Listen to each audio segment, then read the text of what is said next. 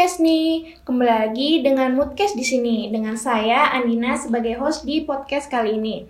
Nah, eh, kita bakal bahas nih topik eh, seru bareng narasumber-narasumber kita. Kita kenalan dulu yuk sama narasumber kita. Ada Kak Suci. Halo Kak Suci. Halo Andina, halo Sobat Moodcast Dan ada Kak Divya. Halo Kak Divya. Halo Sobat Moodcast, halo Andina Halo kakak-kakak narasumber. Eh, kali ini kita akan bahas tentang toxic relationship. Pasti teman-teman juga pernah dengar dong apa itu toxic relationship. Pasti juga ada beberapa teman-teman yang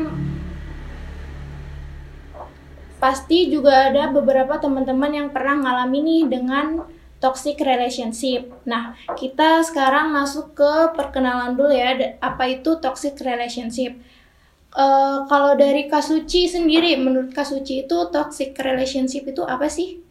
Jadi kalau menurut aku toxic relationship itu ketika kita menjalin sebuah hubungan Tapi di antara kita satu sama lain itu ternyata ada yang merasa tidak bahagia Merasa hidupnya terbatasi, merasa tidak bisa menjadi dirinya sendiri Dan dan itu membuat uh, dia rugi untuk dirinya sendiri Kalau untuk Kak Divya, toxic relationship itu apa? Ya nggak jauh beda ya sama yang tadi Suci bilang. Intinya berarti eh, toxic relationship sendiri itu kayak hubungan yang kurang sehat masuknya. Kayak salah satu dari eh, seseorang itu masih merasa tertekan. Itu sih kalau dari aku. Oh, jadi intinya toxic relationship itu eh, suatu hubungan yang bisa dikatakan rusak ya kakak-kakak. Iya. Eh, mungkin salah satu dari mereka itu merasa dirugikan atau merasa eh, serba salah gitu. Mm-mm. Terus dari Kak Suci sendiri itu pernah nggak sih ngalamin toxic relationship? Kebetulan pernah dan Aduh. aku rasa sebenarnya kita ada ada kalau kita menjalankan menjalin hubungan itu pasti ada fase di mana memang kita tuh toxic di sana. Tapi tergantung kitanya bisa memperbaiki hubungan itu atau tidak. Memang nggak tahu durasi toksiknya itu bakalan lama atau nggak di hubungan kita tergantung kita mau memperbaiki diri masing-masing atau tidak. Gitu. Kalau dari Kak Divya sendiri mungkin pernah ngalamin toxic relationship itu? Pernah sih. Eh, pas itu mungkin kalau Suci kan lebih ke pasangan yang udah sempat pacaran nih. Kalau aku sih masih dalam masa gebetan, jadi kayak masih deketnya baru batas emang kayak cem-ceman aja sih gitu. Oh, Tapi jadi- maksudku kayak masuk toxic sih kalau Iya. menurutku. Jadi kalau Kak Suci itu udah dalam eh, masa pacaran, ke Kak Divya ini baru masa pendekatan ya Kak? Iya, benar. Nah terus kalau misalnya dari Kak Divya dulu ya, kapan sih Kak Divya tuh sadar kalau hubungan eh, pendekatan itu mulai toksik? Eh, kalau di kalau aku ya ngerasanya toxic tuh baru kerasa mungkin eh, setelah setelah hubungan itu sudah ngerasa kayak udah mulai pudar gitu kan baru ngerasa wah ini toxic nih kalau aku ngerasanya waktu aku tuh mau aja ngelakuin apa yang dia suruh waktu itu kebetulan ini udah boleh diceritain belum nih? Boleh boleh Kira-kira? boleh, jujur-jujuran aja nih Kak. Kalau aku kakak tingkat sih ini. Jadi dalam sebuah organisasi dia kayak eh, berkedok apa namanya merekomendasikan aku menjadi salah satu bagian dari eh, tim suksesnya. Jadi aku dinobatkan untuk bekerja sama dengan dia dalam periode tersebut. Jadi kayak dia eh, ngasih janji-janji yang udah nanti tenanglah aku nanti ajarin. Nah, kan kita sebagai cewek kan ngerasa wah semangat nih Iya, iya. apalagi berarti bakal ada eh, waktu-waktu dekat waktu-waktu bekerja sama bareng gitu tapi kok eh, ngerasa malah jadi janji-janji itu cuma bohong gitu. Aku ternyata pas udah periodenya udah jalan aku ngerasa dilepas bekerja sendiri tanpa pengawasan dia gitu. Terus dituntut untuk melakukan prokes-prokes program sorry program kerja program kerja yang sebenarnya aku nggak tahu dari eh, apa namanya hmm, dari periode sebelumnya harus gimana gimana tuh kayak nggak ada briefing dulu gitu loh. Jadi kayak aku harus cari tahu sendiri dan dia kayak lepas tangan tuh kayak aku ngelakuin itu ya karena ya untuk memperbaiki nama dia juga di dalam periode tersebut. Karena dia emang pas itu jadi ketuanya kan. Jadi ya itu sih kayak begonya begonya jatuhnya di situ sih. Oh, kayak mau melakukan hal yang kasih janji-janji palsu ya kak. manfaatin Aduh, jatuhnya. sakit banget tuh. Mm-mm. Terus untuk Kak Suci nih gimana? Kalau aku memang uh, udah ada, ada uh, status pacaran ya, karena aku sendiri tuh gak tahu sistem gebetan itu seperti apa gitu ya kan. Hmm. Karena aku juga sama pacarku ketika kami uh, dulu deket itu gak lama deketnya, langsung aja jadian dan aku tuh kayak nggak sadar, oh, aku punya pacar ternyata udah jadian gitu. Jadi nggak Hmm. ada yang namanya fase dia menjadi gebetanku dan nggak ada fase PDKT. Makanya aku juga bingung kalau orang PDKT sendiri atau gebetan gitu kan, kamu mau nggak jadi gebetan aku? Aku pikirnya kayak gitu kan, tapi Hmm. ternyata nggak sekedar cem-ceman kayak kata si. Divya tadi. Nah aku dengan ini pasanganku yang itu eh toksiknya gini, mungkin aku juga nggak tahu faktornya kenapa ya. Eh kalau aku lihat-lihat ya ini memang pure banyak salahnya dari aku. Jadi aku sama beliau sama pasanganku yang itu usianya beda 4 tahun. Dan kami lumayan lama menjalin hubungan itu. Sempat LDR juga eh, LDR pertama 4 tahun, terus terus dua tahun kami nggak LDR dan satu tahun lagi kami LDR. Jadi totalnya ada tujuh tahun tuh. Berarti tadi ada total tujuh tahun ya, tujuh tahun kami bersama dan nggak tahu bakalan bersama lagi atau enggak. Jadi eh aku pacaran sama dia itu sejak usiaku 14 tahun masih SMP. Wah masih muda banget ya Kak Iya, Suci. masih muda Wow. banget dan aku udah diom diiming-imingin ah, tentang komitmen. Anak 14 tahun tahu apa Iya, tentang iya. komitmennya kan? Mm-mm. Jadi ya aku coba jalan aja sama dia. Dia juga dengan sabarnya menghadapi bocah 14 tahun. Dari aku pertama masuk, dari aku lulus, eh dari aku masih SMP, lulus SMA sampai aku masuk kuliah itu bener-bener dia yang sabar banget. Yang nggak ada komplain sedikit pun. Dan aku dengan sifat kekanak-kanakku, eh kekanak-kanakanku tuh yang selalu mengekang, yang nggak boleh yang nggak boleh dia nongkrong. Dan alhamdulillah orangnya tuh nggak neko-neko si cowok ini si pasanganku waktu itu. Bahkan merokok pun dia enggak semua hal-hal yang berkaitan dengannya seperti uh, apa yang sewajarnya anak-anak cowok lakukan dia enggak tapi aku baru sadar kalau itu toksik tuh sekarang jahat banget kan? Maksudnya dengan kebiasaan aku yang ngelarang dia kamu nggak boleh nongkrong kamu nggak boleh merokok karena memang pada saat itu dia kuliah sambil kerja kan sekarang anaknya udah lulus alhamdulillah. Tapi dengan seperti itu dia malah nggak ada teman. Ya kan? Itu bakal merugikan dia sendiri kan? Tapi aku nggak tahu kenapa dengan segala sifat kekanak-kanakanku semuanya itu di luar kendaliku. Aku melakukan itu di luar kendaliku ketika dia punya teman perempuan akunya marah gitu. Ya sekedar balas chat lama akunya marah. Marah marah mulu. Jadi apa ya kayak yang kayak gitu tuh ngebikin hubungan toksik. Dan si laki-laki ini mungkin karena dia sayang sama aku tadi dan dia memahami eh, aku dengan usiaku yang masih belasan tahun tadi dia manut-manut aja sama aku dan ngikutin aku. Tanpa disadari bahwa dengan dia memperlakukan aku seperti itu dengan dia memanjakan aku seperti itu dengan dia menuruti semua kemauan aku ngebikin aku semakin melunjak Iya. sama dia Semakin kekangin si Iya. cowok itu ya Kak.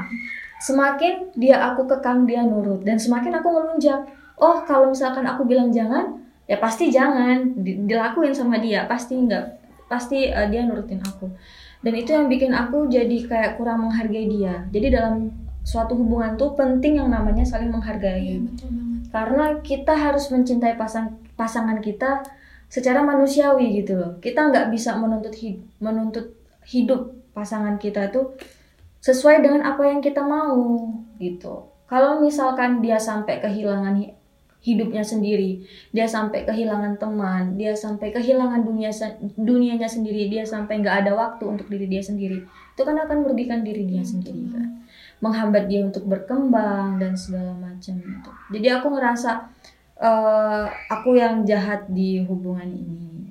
Gitu. Berarti eh, lebih ke Kak Sucinya aja yang memulai toxic relationship itu. Iya, itu semua aku pun ngerasa itu semua di luar kendaliku. Karena apa yang aku lakukan, dia mau-mau aja tanpa dia berontak. Dan sekarang setelah dia mena- menahan perasaan yang ada di hatinya ya kan ketika dia ingin main sama temennya nggak boleh ketika dia harus seperti ini seperti ini seperti ini tapi selalu ada kekangan dari aku itu yang bikin dia nahan batin gitu loh. Setahun dua tahun tiga tahun empat tahun lima tahun sampai tahun ke enam baru dia mulai bilang enggak sama aku. Enggak, iya. ngebantah ya ngebantah. Di tahun ke-6 dia mulai ngebantah dan aku kaget loh kenapa kamu kayak gini sih? Kenapa kamu kayak gini sih?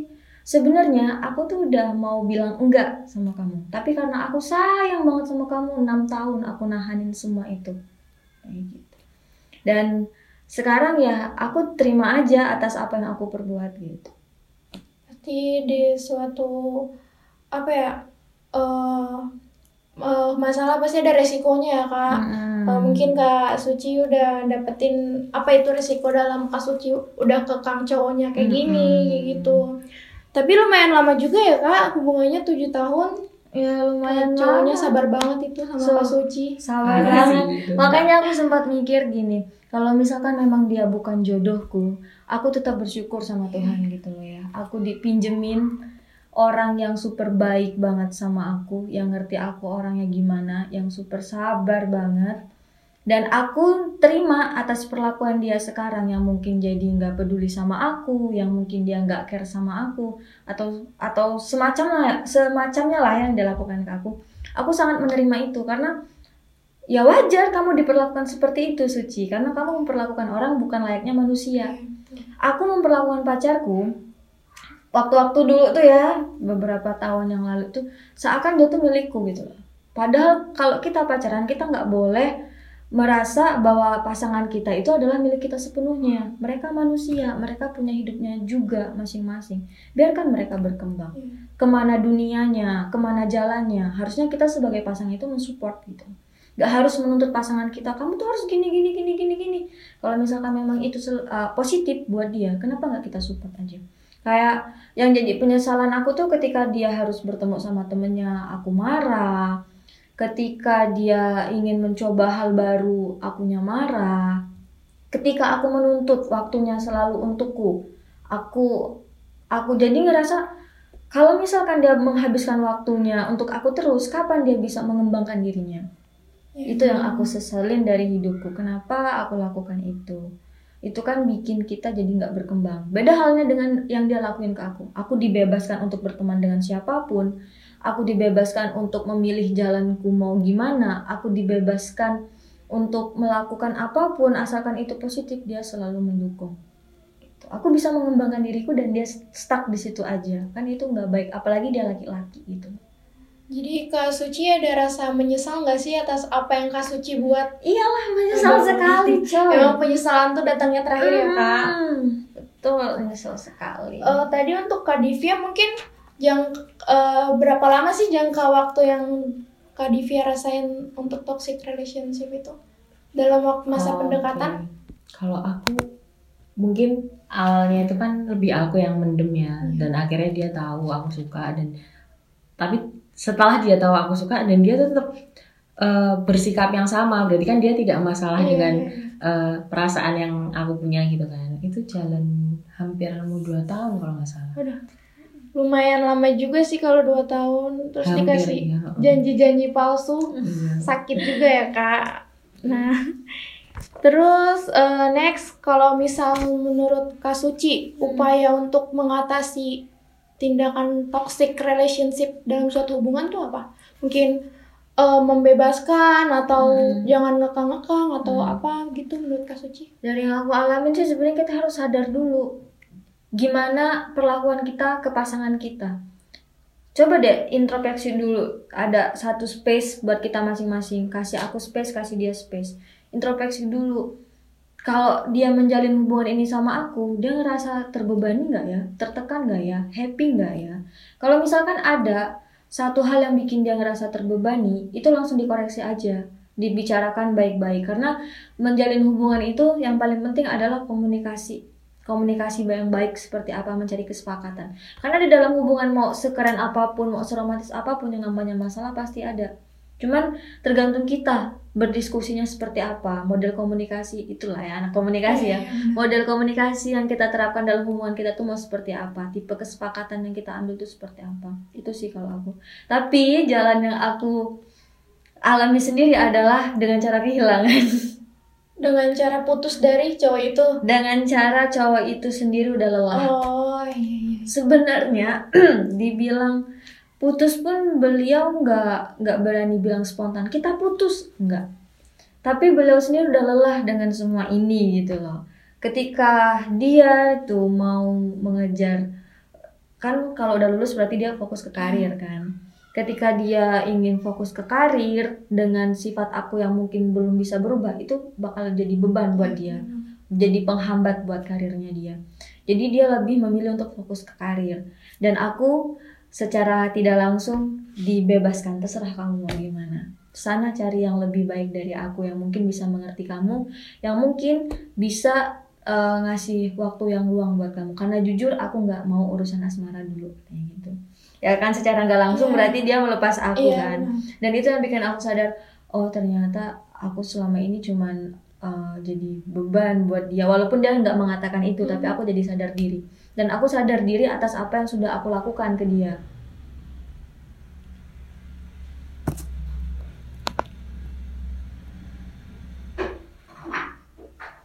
Dan aku pun terima atas apa yang sudah dilakukan ke aku gitu loh. Aku terima aja. Dan aku selalu ngomong sama diriku sendiri uh, aku udah habis kalau sama laki-laki aku udah habis tuntutan gitu loh kan kita perempuan pasti adalah pengen aku pengen laki-laki yang seperti ini yang setia yang sabar yang baik segala macam.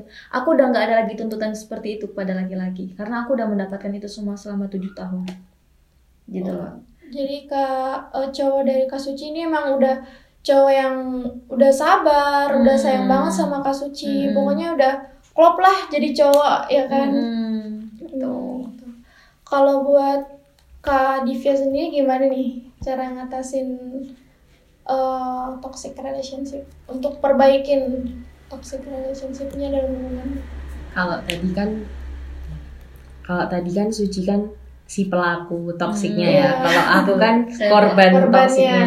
Kalau aku ngerti ditoksikin dan ngerasa hubungan, maksudnya pendekatan ini udah nggak sehat, aku memutuskan untuk pergi untuk hmm. menjauh karena capek sendiri nggak sih hmm. kayak yeah, yeah. Melakukan hal yang sebenarnya misalnya bukan passion kita hmm. dipaksa dituntut untuk bisa dan belajar sendiri itu kan malah jatuhnya bukan jadi hal yang positif malah jadi negatif yeah. karena kita merasa tertekan mungkin aku masuknya lebih melepaskan juga sih sama mm. intinya kalau udah toxic sama-sama melepaskan kalau kalau aku yang walaupun aku yang memulai berarti aku yang juga mundur aja ya. aja jadi uh, caranya sama-sama mundur ya kak. Iya mundur hilang lah pokoknya. Uh, uh, nah nggak kerasa banget nih udah di sesi penghujung acara. Tapi sebelum penutup kita uh, dari Kasuci sama Kak Divya ada nggak kata-kata uh, buat teman-teman moodcast mungkin ada yang pernah eh ada yang lagi ngalamin toxic mungkin ada hmm. Uh, kalimat buat mereka buat nyadarin diri lah ya. Hmm. lagi di fase eh di fase-fase toxic relationship tuh.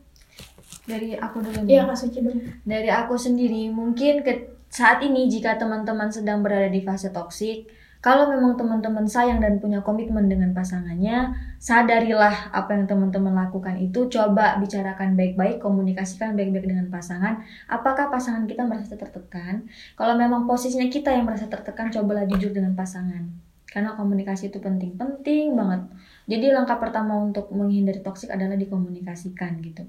Tapi kalau teman-teman yang saat ini uh, apa ya ingin beranjak selesai menyelesaikan hubungannya yang toksik dipikir-pikir lagi dulu. Kalau misalkan memang uh, jalan satu-satunya adalah pisah ya udah pisah. Karena dengan pisah itu kita jadi sadar dan kita jadi belajar gitu loh.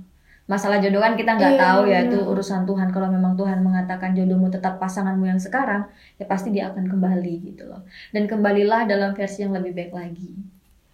Kalau dari kas Divya gimana? Mungkin ada satu kalimat buat teman-teman podcast. Kalau dari aku ya tentang toxic ya, aku lebih ke jangan terlalu buta akan cinta sih. Maksudnya jangan terlalu buta sampai kamu mau dibegoin buat dimanfaatin karena uh, hubungan yang nggak sehat ini. Jadi uh, banyak-banyak sayangi diri sendiri aja sih. Kalau udah ngerasa toxic langsung lepasin aja. Jangan jangan pertahanin hal yang sebenarnya itu nyakitin kamu gitu. Kalau dari aku.